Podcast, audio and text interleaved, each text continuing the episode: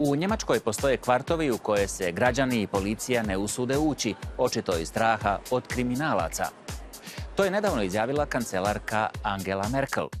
Je li Njemačka doista postala nesigurna? I postoje li te takozvane zabranjene zone? U Njemačkoj se vodi kontroverzna diskusija oko kvartova u kojima navodno vlada bezakonje. No što su uopće zabranjene zone?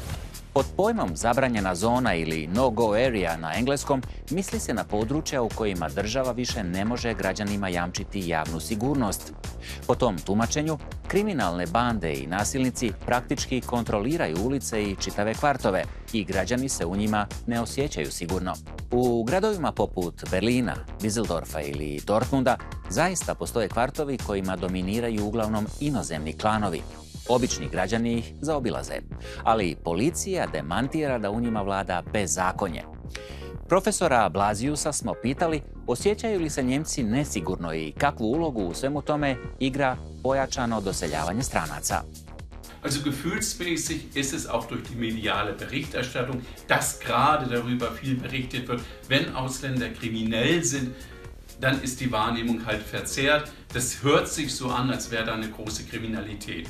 Das ist mit den Zahlen überhaupt nicht vergleichbar. Wenn wir vergleichbare Gruppen nehmen, vergleichbare Gruppen bedeutet gleiches Alter, gleiches Geschlecht, gleiche Bildung, dann ist die Kriminalität der Ausländer nicht höher, auch derjenigen, die da herkommen aus anderen Ländern, weit weg, islamischen Ländern. Das ist nur gefühlte Kriminalität, hat mit den Zahlen eigentlich überhaupt nichts zu tun. Aber man muss zugeben, natürlich, man kann nicht eine Million Ausländer haben, von denen kein einziger nicht kriminell ist. Das wäre Unfug. Njemačka policija je priznala da joj velike probleme prave kriminalni klanovi iz Libanona, Bugarske ili Rumunjske. Radi se o trgovini drogom, reketarenju, prostituciji. Kako pravna država reagira na to? U sjevernoj Rajni i povećan je broj policajaca u zabranjenim zonama. U problematičnim kvartovima se češće obavlja rutinske kontrole, a rigorozno se kažnjava čak i najsitnije prekršaje. Osim toga, učestale su velike racije protiv organiziranog kriminala. Za sada ne postoji jedinstvena definicija zabranjenih zona.